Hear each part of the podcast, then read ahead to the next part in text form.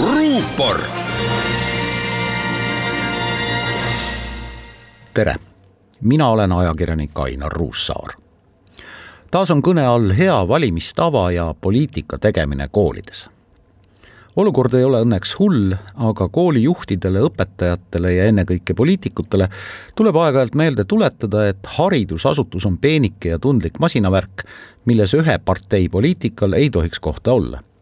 Mis ei tähenda, et õpilastel, õpetajatel ja koolijuhtidel ei tohi olla maailmavaadet või parteilist eelistust koolipidajast omavalitsus ja haridussüsteemi juhtiv ministeerium on ju niikuinii parteipoliitilised meie ühiskond ja riik on seda tugevam, mida rohkem noored huvituvad poliitikast. aga see ei tohi tekitada poliitikutes kiusatust gümnaasiumiõpilasi kooliseinte vahel eraldi mõjutama hakata. rääkimata veel noorematest. Ma meenutan aeg-ajalt õudusega veerand sajandi tagust juhtumit. Läksin lapsele lasteaeda järgi laps võttis oma riidekapist uhkelt välja ühe tookord tuntud poliitiku värvilise piltpostkaardi ja ühe tookord tegija erakonna värvides õhupalli. minu tungivaid palveid need asjad ära visata või vähemalt isa kotti peita laps ignoreeris. ja nii me läksimegi lasteaiast rahvarohkeid tänavaid mööda koju. Laps uhkelt parteivärvides õhupalli ja tuntud poliitiku postkaarti käes hoides, sõltumatust ajakirjanikust isa häbi pärast maa alla vajudes õhupallid ja poliitiku postkaardid ei olnud loomulikult ainult minu lapse, vaid ka kõigi tema rühmakaaslaste riidekappides. sellist jama õnneks ja loodetavasti enam kusagil Eestis täna ei toimu. mis ei tähenda, et poliitikud ei ürita teha katseid enne valimisi koolidesse tungida üks reformierakondlasest Riigikogu liige hakkas kuus aastat tagasi enne valimisi Tallinna koolides ettevõtlustunde andma ja teatas, et kõik on puhas ja korras, kuna tasu ta oma loengute eest ei küsi tegelikult ei tohiks kooli esinema kutsutud asjatundjad, poliitikutest politseinikeni ja kaitseväelastest korstnapühkijateni mõeldagi tasu küsimisele.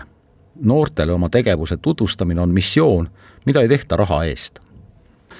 ega lihtne ei ole.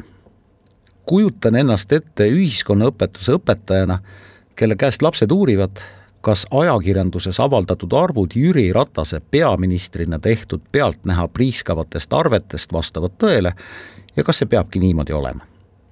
mida vastata, kuidas seletada, eriti veel, kui kooli direktor kuulub näiteks Keskerakonda ja kooli pidav omavalitsus on ka Keskerakonna käes.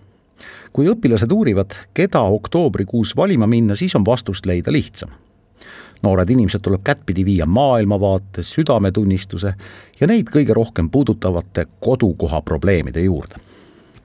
kool ei tohi teha parteipoliitikat, aga kool ei tohi noori ka poliitikast eemale peletada.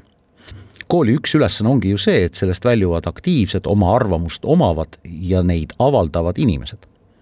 mõnedest neist saavad suurepärased ja ausad poliitikud muidugi võib kool pakkuda ja ehk peabki enne valimisi pakkuma erakondadele ja valimisliitudele oma vaadete tutvustamise võimalust.